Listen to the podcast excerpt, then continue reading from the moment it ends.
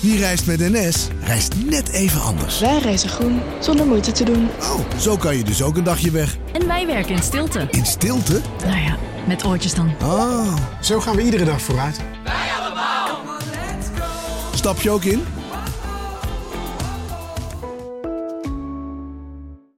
Een maatschappij waarin iedereen meedoet.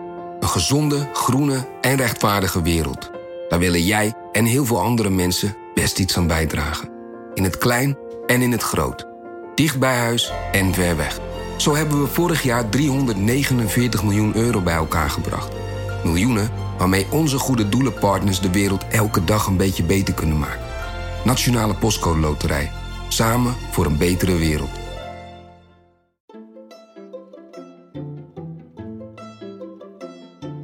Welkom. Wij zijn Onbehaarde Apen. Dit is een podcast van NRC over wetenschap.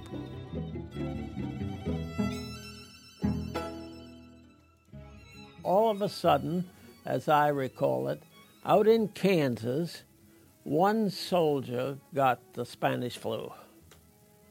And from there, it gradually spread to various parts of the country. We hoorden hier William Sardo, een Amerikaanse ooggetuige van de Spaanse griep, jaren en jaren later eh, zijn verhaal heeft verteld. Eh, wat is de situatie die hij omschrijft? Hij omschrijft ehm, de situatie in Fort Riley in Kansas. Dat was een groot eh, militair kamp. En op 4 maart 1918 brak in Fort Riley een ziekte uit. En binnen een week waren 500 soldaten zo ziek dat ze naar het ziekenhuis moesten. The most horrible thing of that whole epidemic was that the crisis came so rapidly. Within the first two to three hours of your sickness, you either survived or you were dead. Het was een hele besmettelijke ziekte, die ook heel dodelijk bleek te zijn. En toch leidde deze besmettelijkheid en die dodelijkheid er niet toe bij het Amerikaanse leger om bijvoorbeeld deze soldaten in quarantaine te zetten. En er werden veel eh, soldaten naar het front gestuurd in Europa. En zo kreeg deze nieuwe ziekte, die we zouden gaan kennen als de Spaanse griep, de kans om zich over de hele wereld te verspreiden. Bart Funnekotter, jij bent geschiedenisredacteur hier bij NRC en je hebt je in de Spaanse griep verdiept. Waarom is dit een goed moment om het over de Spaanse griep te hebben? Een beter moment om het over de Spaanse griep te hebben was een jaar of twee geleden. Want dan hadden we misschien ons lesje geleerd en hadden we nu niet zo eh, in de penarie gezeten. Maar goed, dit is ook een goed moment om het te hebben over de Spaanse griep. Omdat dit natuurlijk een historische vergelijking is die zeer voor de hand ligt. De Spaanse griep, ruim 100 jaar geleden, legde de wereld eh, plat, zorgde voor heel veel doden. En het was dus een, een, een besmettelijke ziekte, een virusziekte die, eh, die vreselijk huishield onder de wereldbevolking. En eh, hoe vreselijk besmettelijk en dodelijk onze huidige ziekte COVID-19 is, dat weten we nog niet. Maar de historische parallellen liggen voor de hand. En dus is het zinvol om te kijken naar de geschiedenis en ook om te kijken of we misschien iets kunnen leren van de geschiedenis. Ehm, maar ik wil even terug naar het begin, Bart. Naar eh, hoe het allemaal begon, deze Spaanse griep. Ehm, 1918 is het. Wat voor, wat voor wereld leven we? Eh, we leven in een wereld waar men al vier jaar lang met elkaar in gevecht is. Het is de, de Eerste Wereldoorlog. Een oorlog waar jonge mannen in grote hoeveelheden de gehaktmolen van het eh, West- en Oostfront werden ingegooid. En daar in een kansloze loopgravenoorlog bij miljoenen tegelijk eh, het leven lieten. En het was dus een wereld waarin het ergste leed bijna geleden leek. Want de oorlog eh, zat er bijna op in 1918. Maar waar nu een, eh, een ramp stond te gebeuren die uiteindelijk waarschijnlijk meer mensen het leven heeft gekost dan de, dan de hele Eerste Wereldoorlog zelf. Maar jij zegt dat aan de Spaanse griep meer mensen zijn overleden dan aan de, die hele Eerste Wereldoorlog bij elkaar. Ja, eh, er is een levendig academisch debat over hoeveel mensen er dan zouden zijn overleden aan de Spaanse griep. En die schattingen lopen uiteen van 20 miljoen tot 100 miljoen. En dat even op ter vergelijking op een wereldbevolking van anderhalf miljard. Dat zijn dus eh, in het slechtste geval percentages van meer dan 5% van de hele wereldbevolking. Dat zijn enorme aantallen. Dat is een ongelooflijk aantal. Ja, ongelooflijk. Daar zitten we, eh, voor de duidelijkheid, zoals het nu naar ziet bij COVID-19, komen we daar niet in de buurt. En begon het in Kansas? Ja, dat is echt super interessant. Eh, men heeft lang gedacht dat het daar gebeurde, maar als je goed diep eh, de geschiedenis inkijkt, dan lijkt het erop dat de Spaanse griep een aanloopje van een jaar of drie heeft genomen. Hè, de Spaanse griep is uh, een H1N1-virus, uh, het, het influenza-virus. En je merkt al dat in 1915 uh, de eerste berichten binnenkomen dat er veel griep, opvallend veel griep is in landen als Finland, Duitsland, maar ook in India. Dus er lijkt, het lijkt overal op de wereld al iets aan de hand te zijn met de griep. Dan in eind 1916, ehm, dan worden, zal ik maar zeggen, de eerste medische professionals wakker. Omdat er in een legerkamp in Frankrijk en een legerkamp in Groot-Brittannië dan een ziekte uitbreekt die uh, purulent bronchitis wordt genoemd. Dat is iets als etterige bronchitis. En ik heb hier een artikel uit de Lancet in mijn hand van 14 juli 1917. En dat is eigenlijk de eerste beschrijving van wat wij later de Spaanse griep zouden gaan noemen. En je ziet dus dat uh, medici die dat hebben onderzocht, uh, die tasten in het duister. Maar ze beschrijven al wel uh, symptomen die ons bekend zullen gaan voorkomen. Dingen als koorts, uh, dingen als uh, longen die vollopen met vocht en leiden tot uh, uiteindelijk de dood. Ze komen dan tot een conclusie dat het hier gaat om de influenza-bacterie. Nou, die influenza-bacterie bestaat natuurlijk helemaal niet. dat is de influenza, het influenza-virus, maar van virussen wisten ze van het bestaan daarvan toen nog niet af. Ze zijn erg bezorgd over de dodelijkheid vooral, want die is, die is verschrikkelijk. Maar ze zijn ook opgelucht dat het weer verdwenen lijkt te zijn. Nou, niets is dus minder waar. Want ruim een jaar later, in het voorjaar van uh, 1918, inderdaad breekt in Kansas in de Verenigde Staten uh, de griep echt goed uit, om het zo maar te zeggen. En waarom gebeurt dat in legerkampen? Nou, in legerkampen uh, om twee redenen. Iedereen zit daar lekker dicht bij elkaar, uh, dus het is ideaal besmetten. Daarnaast heb je mannen die uh, voor het eerst in hun leven waarschijnlijk gepusht worden tot hele zware lichamelijke inspanning. Hè. Ze worden fit gemaakt voor het front. Dat leidt er waarschijnlijk ook een beetje toe hè, dat je elke dag buiten in de modder ligt en nachtmarsen moet houden, dat je weerstand wat minder is. Dus dat is een ideaal gegeven om tot een griepuitbarsting te komen. En dan speelt er ook nog iets anders mee, dat heel typisch bleek te zijn voor uh, deze griep, die we de Spaanse griep noemen. Uh, namelijk dat uh, vooral mensen in de kracht van hun leven tussen de 20 en 40 heel kwetsbaar bleken voor dit virus. En dat zijn juist de, de leeftijdscategorie die zich verzamelt in ja, legerkampen, precies, stel ik me dat voor. is precies de leeftijdscategorie die zich verzamelt in legerkampen. En omdat de oorlog op 1918, zeker in het voorjaar, nog niet gewonnen was. De Duitsers waren bezig met hun laatste offensief aan het, aan het westfront. Dus iedere soldaat, die Amerikaanse soldaat, die kon, werd naar het front gestuurd.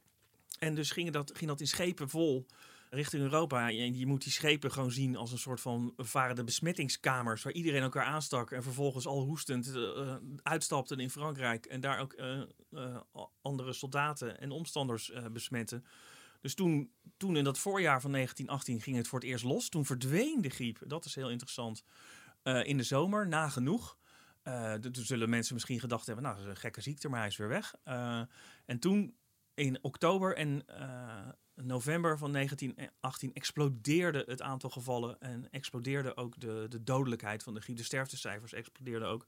En uh, ja, toen liep het helemaal uit de klauw en toen binnen de, de laatste drie maanden van 1918 uh, vielen toen meer dan een derde van alle dodelijke slachtoffers van deze, van deze griep. Dat is dan de beruchte tweede golf, zoals die wordt genoemd. Waar, waar, waarin dus echt ja, dat was gewoon, daar speelde zich tafereelen af die we misschien kennen uit eh, de middeleeuwen van de, van de Zwarte Dood. Toen kwam er volgende er nog een derde golfje in het voorjaar van 1919. En toen ebde het vrij snel weg. Hier en daar nog een uitbraakje. En in 1920 was toen uh, de Spaanse griep uh, verdwenen. Maar dat is een heel interessante dynamiek. Je hebt dus een aanloop, als ik het goed heb gehoord, die een beetje ja, in het duister uh, gebeurde. We Ja. weten niet precies waar en uh, wanneer uh, deze griep voor het eerst echt om zich heen greep. Maar in 1918, dat is heel duidelijk, dan komt het, zeg maar echt, dan begint het echt op te vallen. Ja. Met het aantal ziektegevallen dat snel toeneemt op verschillende plekken. Ja, dat, dat- 1918 is een soort van tweetrapsraket. Eh, de, de eerste trap is in het voorjaar. Dan komen we, dan komen we los van de grond. Eh, dan, dan worden voor het eerst veel mensen ziek. En dan in het najaar dan gaat echt de booster aan. En dan, dan explodeert het helemaal. En dan, eh, dan, dan is het een, een wereldwijde pandemie. Maar dan heb ik nog wel een vraag, want je hebt nu Kansas genoemd en Frankrijk en India. Waarom noemen we het de Spaanse griep? Ehm, de Spaanse griep is niet dus omdat het eh, de ziekte uit Spanje komt. Zoals ik al zei, het was de Eerste Wereldoorlog en bijna alle landen hadden te maken met militaire censuur. Eh, er mochten dus geen dingen in de krant komen die de, de, de, de bereidheid tot strijd van het volk zouden ondermijnen, die mensen bang zouden maken. En daarom in de meeste landen werden de berichtgeving over de ziekte werden onderdrukt, maar niet in Spanje, want Spanje was neutraal. En daar werd dus uitgebreid bericht over, de, over deze griep. En zo, omdat mensen dachten, hé, hey, Spanje zegt iets heel ergs aan de hand. Dat is een hele erge griep. En daardoor dachten mensen dus dat het een Spaanse griep was. En die naam is, die is blijven plakken. Dus in het publieke bewustzijn, als je een, een Amerikaan was in die tijd, dan hoorde je in het begin er heel weinig over. Ja, je hoorde er weinig over. Het grappige is natuurlijk, je hoort van hè, Trump heeft het nu over de, de, Chinese virus. En je hoorde als mensen om een soort van terug te slaan, te zeggen, nou, oh, dan moeten we de Spaanse griep dus eigenlijk de American virus noemen, omdat hij in Kansas begonnen is. Maar dat is dus ook niet, ook niet waar, want de, die griep waarde waarschijnlijk al een paar jaar lang uh, rond over de wereld. Ja, en als het dan, um, uh, je beschrijft die dynamiek dat het nog eigenlijk het hardst terugkwam in, in de herfst en winter van, uh, van 1918. Ja. En dan is het is het dan nog beperkt tot legerkampen en, en die jonge mannen uh, aan het front? Of, of heb je het dan ook, dringt het dan ook door in gemeenschappen en in, in steden over de wereld? Overal. Uh, dringt door op plekken waar ze nog nooit een kanon hebben horen rommelen aan het front. Uh, echt, je kan geen plek op de wereld verzinnen waar mensen wonen. Of de Spaanse griep is er, is er niet geweest.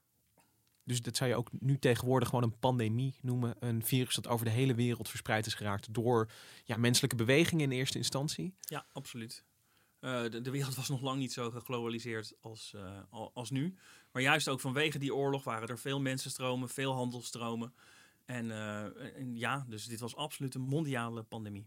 En hoe ging dat in Nederland? Ja, dat is wel, wel interessant. ik citeer hier even uit, uit de Telegraaf van 30 mei 1918. En daar kon men lezen: De ziekte welke Spanje teistert, schijnt een soort influenza te zijn, die blijkbaar een goedaardig verloop heeft. Gevallen met dodelijke afloop werden tot nu toe niet gemeld. Nou, laat ik zo zeggen dat de lezers hier niet helemaal juist uh, werden geïnformeerd. Want uh, er waren toen al wel mensen overleden aan die Spaanse griep. Maar je ziet hier dus ook al inderdaad de ziekte welke Spanje teistert. Er is natuurlijk helemaal geen sprake van dat het alleen in Spanje zo is. Uh, hoe heet het? Ook buiten Spanje hadden mensen al leden mensen aan de Spaanse griep. Maar men dacht toen door die censuur dat het inderdaad ook, dacht men hier in Nederland, een land dat niet meedeed aan het uh, Eerste Wereldoorlog, dat het inderdaad een Spaanse ziekte was. Dus aanvankelijk dacht men dat het wel meeviel, maar viel. Maar op een gegeven moment viel het helemaal niet meer mee. En brak, brak ook gewoon in Nederland brak de ziekte uit. En uiteindelijk zijn er, de schattingen verschillen weer, tussen de 30.000 en 60.000 Nederlanders overleden aan de Spaanse griep op een bevolking van een kleine 7 miljoen. Dus dat is ook een, een 30.000 tot 60.000. Dat zijn ook immense aantallen. Dat zijn immense aantallen. En hoewel hier dus wel geen, hier geen sprake was van uh, strenge militaire censuur, uh, merk je ook dat in de kranten relatief weinig uh, bericht wordt. Maar af en toe heb je van die hele, ja, ik zou, bijna zeggen, zou bijna zeggen, af en toe heb je van die hele kleine schrijnende annonces dat in één gezin alle ouders en alle kinderen overleden zijn en dood thuis zijn aangetroffen. En ik denk dat dit een goed moment is om even in te zoomen op de Spaanse griep, op het virus en op de ziekte die mensen doormaakten. Want de Spaanse griep was natuurlijk wel anders dan een gewoon griepseizoen. In, in, van gewone griep weten we dat er mensen ziek van worden en er sterven ook mensen aan, maar niet in die aantallen die jij noemt, Bart. Het is wel echt iets van een andere orde. En je noemde al iets opvallends, Bart, en dat is dat jonge mensen kwetsbaar waren voor dit virus. Hoe kan dat? Nou, dat is, uh, ik heb erover gesproken met de Zuid-Afrikaanse historicus van de geneeskunde Howard Phillips. Hij doseert aan de Universiteit van uh, Kaapstad in uh, Zuid-Afrika. En Phillips heeft zich eigenlijk zijn hele werkzame leven bezig gehouden met, met de Spaanse griep. Hij is ermee begonnen in de jaren 70 toen hij survivors, ooggetuigen heeft, heeft geïnterviewd. En dat, dat heeft een interesse in hem aangewakkerd die hem 50 jaar lang gaande heeft gehouden. En ik uh, sprak hem dus uh, met, met, hem over uh, de verklaring waarom er zoveel mensen en vooral zoveel jongere mensen doodgingen aan de Spaanse griep. En hij kwam met, met deze verklaring die speelt rondom het immuunsysteem van jonge mensen. Young adults have the most robust immune system. And so when they were attacked, their immune system fought back excessively wat hij hier dus zegt is eigenlijk, hè, het immuunsysteem van jonge mensen is zo sterk. Uh, dat, dat, slaat helemaal op hol, dat immuunsysteem. En uh, dat zorgt er dus voor dat de, uh, de longen vollopen met al het vocht. White blood cells being poured into the lung, liquid being poured into the lung. En je, ver, je verdrinkt dan uiteindelijk in je eigen volgelopen longen. Because the robust immune systems are over-responding. Ja, het opvallende aan de Spaanse griep is wat epidemiologen dan noemen een die W-curve noemen ze dat dan. Normaal gesproken zijn jonge kinderen en oudere mensen eh, gevoelig voor griep. En dat is dan een U-curve. Dus je hebt, als je kijkt naar ja, hoe oud zijn mensen eh, ja, die overlijden of ernstig ziek worden aan Spaanse griep, dan is dat een U. Dus heel veel aan het begin bij de jonge kinderen en dan heel veel aan het eind. En, en die, eh, die Spaanse griep heeft dus een W-curve met die bobbel in het midden. En er zijn ook mensen die, ehm, ja, die kijken zeg maar naar eh, wat dan groepsimmuniteit heet een beetje. Van, van ja, wat voor virus heb je eerder in je leven allemaal gezien? En er is ook een idee dat eh, zeker die oudere generatie al eh, eind 19e eeuw ehm, ook ja, influenza-achtige ziekte heeft doorgemaakt. Die ehm, ja, misschien min of meer leken op het Spaanse griepvirus. En daardoor een, een soort immuniteit hadden toen het Spaanse griepvirus zich aandiende. En dat er op die manier meer weerstand was onder die leeftijdsgroep die ontbrak in die jongere generatie. Ja, ik hoorde het, ik las iets inderdaad wat het heette toen de Russische griep volgens mij aan het eind van de 19e eeuw. eh, Dat die er mogelijk een soort van als, als, als inenting heeft gewerkt. Ja, zo moet je het altijd een beetje zien. Dat je dan, dan heb je dus een keertje een virus gezien wat er een beetje op lijkt. En, en dat kan je dan een latere keer eh, weer helpen. Ja, omdat ik toch ehm, iemand blij- blijf van, eh, van de letteren, eh waar ik ook nog even een andere eh, verklaring opperen. Die Howard Phillips, waar How- Howard Phillips mee kwam in het gesprek dat ik met hem had. En dat is een verklaring die je meer sociologisch, als sociologisch zou kunnen omschrijven. uh, young uh, 20 year olds, they, particularly males who are the breadwinners, they say, oh, well, you know, this is flu. Oh, I don't need to stay at home. It's only flu. So they go to work, and of course, that worsens their condition enormously. Ja, daar wreekt zich dus het gebrek aan een sociaal vangnet aan het begin van de 20e eeuw. Eh, mensen die eh, moesten werken om te kunnen eten. En dus bleven mensen werken om te eten. En dat is gelukkig een parallel die niet met Nederland te trekken is, maar bijvoorbeeld wel met de Verenigde Staten. Dus dat geeft eh, stof tot nadenken. Nou, en dat zou er ook toe kunnen leiden dat er meer overdracht blijft in de gemeenschap van, eh, van het virus. Dat als, als mensen gewoon een, proberen door te gaan zo lang mogelijk met het, eh, met het normale leven, dan, Ja. dan blijft het virus gelegenheden vinden om over te springen. Ja. Wat wel een eh, belangrijk verschil is met de huidige situatie, is dat het niet de kostwinners zijn die eh, overlijden aan, aan eh, COVID-19, maar eh, oudere mensen die al niet meer eh, hoeven te werken eh, om in een levensonderhoud te voorzien, die niet elke dag naar hun werk hoeven. Dus dat lijkt eh, bij alle ellende een, eh, een, een klein positief, eh, positieve kanttekening die we kunnen maken. Ja, we hebben het nu eigenlijk gehad over de, de, menselijke kant, zeg maar. Van, van wie was er kwetsbaar voor en ja, hoe gedroegen ze zich en waarom waren ze dan zo kwetsbaar? Maar heel veel onderzoek heeft ook plaatsgevonden aan het virus zelf. Om te kijken of dat nou bepaalde eigenschappen heeft dat het ja, zoveel dodelijker of besmettelijker maakt dan, dan de influenzavirussen die we nu kennen. Ja, en dat, dat, dat vond ik wel interessant. Eh, Daar begreep ik zelf wat minder van. Eh, en Howard Phillips had het daar ook over. Die zei dat hij vermoedde dat eh, die, die rustige periode in de zomer... dat daar een mutatie heeft plaatsgevonden in het virus... die uiteindelijk tot die enorme tweede golf heeft geleid. En misschien wil jij zo vriendelijk zijn om even uit te leggen hoe dat werkt... met het muteren van virussen. Ja, en als je me dan toestaat om een klein eh, influenza-klasje te, te geven. Toestemming. Ehm, een influenzavirus, zoals je al zei, dat, dat heeft altijd een aanduiding van, eh, ah, je, zei, je zei al, dit, dit virus was een H1N1. Ehm, dat is altijd het standaard naamgeving van een influenzavirus. Eh, een, een H en dan een nummer en dan een N en dan, dan weer een nummer. En eh, die H en N zijn eigenlijk twee eiwitten die in verschillende smaken voorkomen. En eh, eigenlijk alles wat je van moet weten is dat die H gebruikt het virus om binnen te komen. En N weer om eh, longcellen bijvoorbeeld uit te komen. En eh, het virus heeft nog andere genen, maar die, eh, met, met die eh, H en N kun je eigenlijk heel goed typeren. Want dat zijn ook de eiwitten waarop ons immuunsysteem bijvoorbeeld reageert. Dus daar, daar kun je al heel veel van die dynamieken snappen.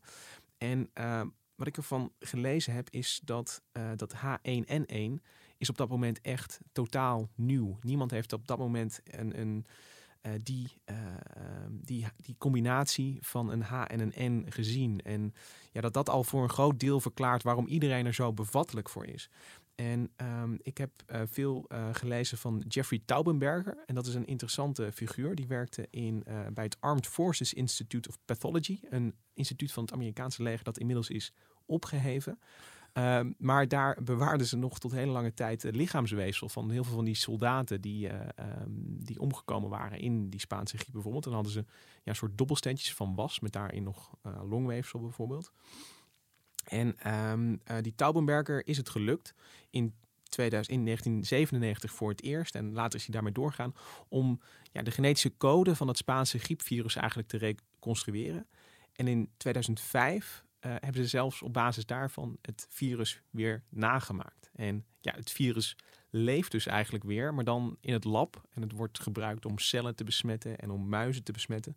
En op die manier wordt er ook gekeken naar van, van doet het virus nou iets uh, bijzonders wat we niet kennen van andere influenza-virussen. Het antwoord is een beetje te teleurstellend. Van ja, je kunt er muizen goed ziek mee maken. Maar er is niet echt iets aan het virus zelf dat het een, een enorme uh, killer maakt. Um, al is er wel een gedachte dat om, omdat het hele pakket zeg maar nieuw is, hè, die, die H en die N en dan die uh, zes andere genen die het heeft, um, dat, dat zo'n nieuw totaalpakket eigenlijk wel ja, heel snel om zich heen kan grijpen. En uh, ik las iets van die Taubenberger, die noemt de Spaanse griep de moeder aller pandemieën, omdat we eigenlijk nooit van het 1918-virus zijn afgekomen. Omdat die, dat pakket van genen, al, stukjes daaruit, die zwerven nu gewoon rond in de virussen die ons nu elke winter weer treffen. Dus uh, de H1N1 van 2009 maakten we daar ons uh, heel veel zorgen over. Dat, dat kun je eigenlijk gewoon zien als een directe afstammeling van 1918. En uh, ja, daarin zie je ook al van, van we leven nu al zo lang met het virus dat er en meer weerstand is in de bevolking. En je ziet dat zo'n virus na verloop van tijd milder wordt. Want een virus dat zijn gastheer dood uh, maakt of uh, ja, in, in bed dwingt, dat kan zich ook gewoon minder goed verspreiden. Dus je ziet een algemene dynamiek dat hoe langer een virus circuleert in een ja, populatie, in een bevolking, dat het zeg maar een, een mildere kant op gaat. En uh, dat is aan de ene kant is dat, is dat fijn, maar aan de andere kant moet je constateren dat we dus nooit van ja, 1918 zijn, zijn afgekomen. Nee, en wat ik uh, uh, misschien bij een fascinerende en in, pot in potentie zorgwekkende parallel nu te binnen. HN1 was nieuw in 1918. SARS-CoV-2, het virus dat COVID-19 veroorzaakt, is nu ook nieuw. Ja, dat klopt. En dat, ik denk dat je daar ook voor een deel ziet waarom dat dan, dan zo hard uh, gaat. En dat het lang kan duren voordat dat genormaliseerd is. En je, ja, je beschreef al van het heeft twee jaar geduurd voordat dat H1N1 een beetje stopte om uh, uh, mensen echt dodelijk ziek te maken. Um, ja, dus, dus het is maar afwachten in, in hoeverre en hoe snel dat gebeurt in het geval van COVID-19. En daar heb je dus, ja, voor H1N1 was een deel van het antwoord dus dat er weerstand ontstond in de bevolking. Maar uh, Philips in dat gesprek uh, dat ik met hem had, die speculeerde erop dat, het, dat er in de zomer een soort van mutatie had plaatsgevonden, waardoor het dodelijker werd. Maar dat is dus eigenlijk, dat kunnen we niet aantonen in, in restjes die we gevonden hebben. Nee, dat, is, dat blijkt daar niet uit. Dus dat, ja, dat blijft een, een beetje gissen, ben ik bang. Um, wat we weten is, is dat virussen dus over het algemeen milder worden. En, en ze, ze muteren niet snel tot een, een, een hele gevaarlijke, een dodelijke variant. Want ja, zoals ik zeg, dat, dat, dat pietert snel uit. Dus ik, ik denk zelf dat de verklaring misschien meer zit in, in uh, ja, toch sociale factoren. Dus, dus in hoeverre het, het, het, zich verspreiden. Ook de omstandigheden zijn natuurlijk beter in, in de herfst. Uh, misschien was het op meer plekken ingezaaid, waardoor het zeg maar, ineens omhoog kon ja. komen in, in het najaar. Um, ik, heb, ik heb die dodelijke mutatie heb ik niet, uh, die heb ik niet teruggevonden. Nee. En, en jij vraagt naar die vergelijking met uh, SARS-CoV-2, Bart. Maar in, in influenza heeft daarin wel een aparte uh, dynamiek in, in dat, um, dat ze, kun, ze kunnen heel makkelijk genen uitwisselen tussen elkaar, tussen die types. En als je ja, het virus totaalpakket ziet als een team dat opgesteld moet worden met acht spelers, die acht genen. Uh, dan op het moment dat ja, mensen of varkens of vogels besmet zijn met twee virussen tegelijkertijd, dan kunnen ze eigenlijk onderdelen van het team gaan uitwisselen. En dat maakt het wel extra opletten bij influenza. En dan, dan kan een, een uh, als een H1N1 bijvoorbeeld ineens een, een, een H5 oppikt die mensen eigenlijk nooit gezien hebben dan maken virologen zich extra zorgen. En dat, dat zagen we met de vogelgriep H5N1. Dan worden mensen worden in eerste instantie ziek van de vogels om hen heen. En dan is altijd de zorg van, oh jee, als dit maar niet, als het maar, zich maar niet lekker thuis gaat voelen in mensen en dan van mens op mens over gaat springen.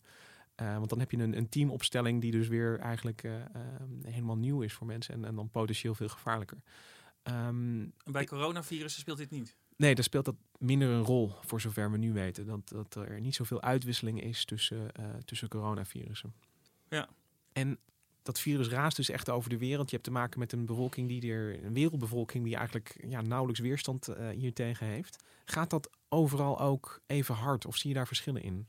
Nee, daar zie je duidelijke verschillen in. Er zijn, er zijn plekken waar het uh, echt absurd hard, uh, hard gaat, waar er gigantische hoeveelheden mensen besmet raken en overlijden. De, de Howard Phillips die ik sprak, die zei over Zuid-Afrika dat hij vermoedt dat 50 tot 60 procent van de bevolking besmet is geraakt. Dus, dus dat is enorm. En uh, wat wel een aardig voorbeeld is, uh, om ook te zien hoe omgang met de Spaanse griep leidde tot heel verschillende uitkomsten. Daarvoor reis ik nu even heel ver weg van, alle, van het front in, de, in Europa, van alle drukke steden waar mensen elkaar makkelijk aansteken. We gaan naar de, de Stille Oceaan. Daar lagen redelijk dicht bij elkaar twee eilandjes. Um, Western Samoa, dus Wester Samoa, en Amerikaans Samoa. Uh, Western Samoa uh, was de, het territorium, het gebied op de wereld dat het relatief het hardst getroffen is door de Spaanse griep.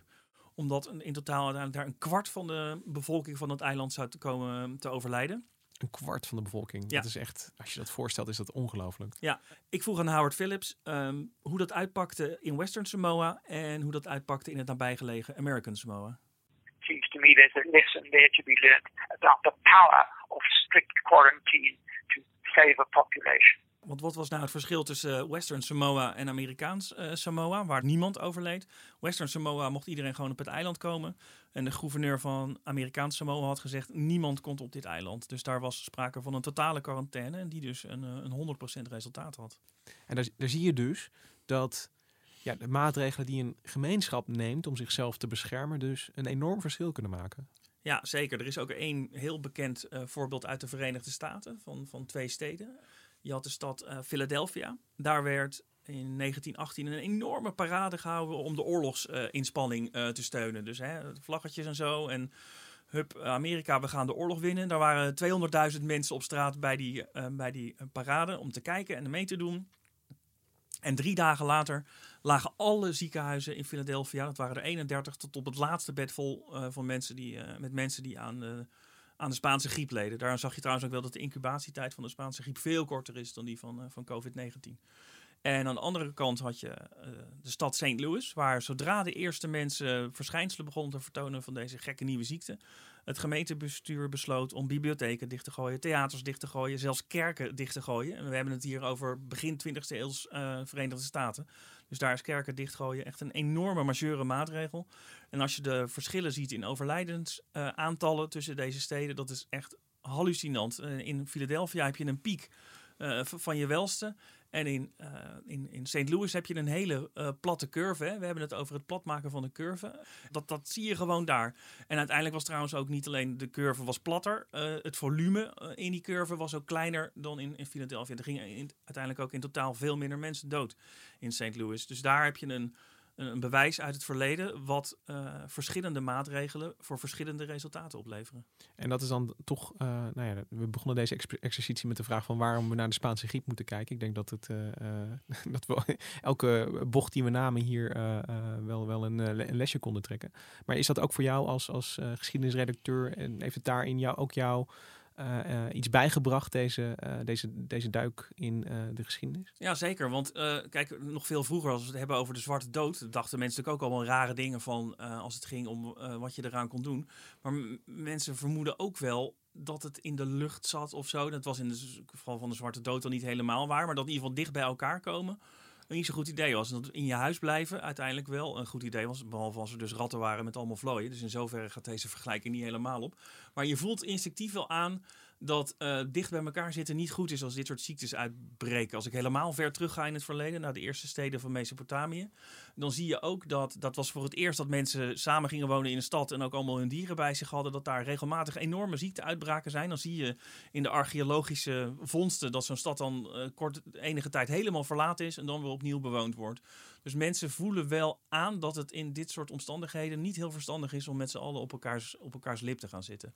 Dus wat dat betreft uh, denk ik dat de maatregelen zoals we die nu nemen passen in een lange historische traditie. En wij hebben dan nu het voordeel dat we het virus kennen, dat we daar de, dat we dat genetisch gesequenced hebben, dat overal in de wereld wordt nu gewerkt aan een vaccin en aan medicijnen. Dus onze, ons, ons lijden, zo je wil, en dat heb ik dus niet over de mensen die daadwerkelijk in het ziekenhuis liggen, maar de mensen die thuis moeten blijven, is wat dat betreft overzichtelijker en uh, wellicht korter. We zijn niet machteloos als het gaat om zo'n uh, zo'n pandemie.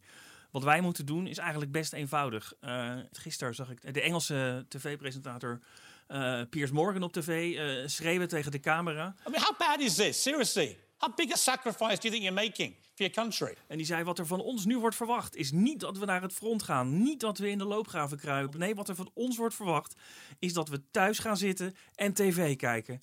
Sit there and do this. Watch telly. What is wrong with people? En dat is denk ik voorlopig de essentie van wat we kunnen leren uh, van de Spaanse griep. Is wat blijkt dat als je jezelf isoleert. Kijk, we kunnen ons niet zo goed isoleren als Amerikaanse Samoa. Door gewoon te zeggen: er komt hier geen boot meer aan. Maar. Uh, ook kleinere beetjes helpen. Uh, dat zie je dus in het verschil tussen Philadelphia en St. Louis. Dankjewel Bart dat je ons wilde bijpraten over de Spaanse griep 1918 en wat daar allemaal is gebeurd. Graag gedaan.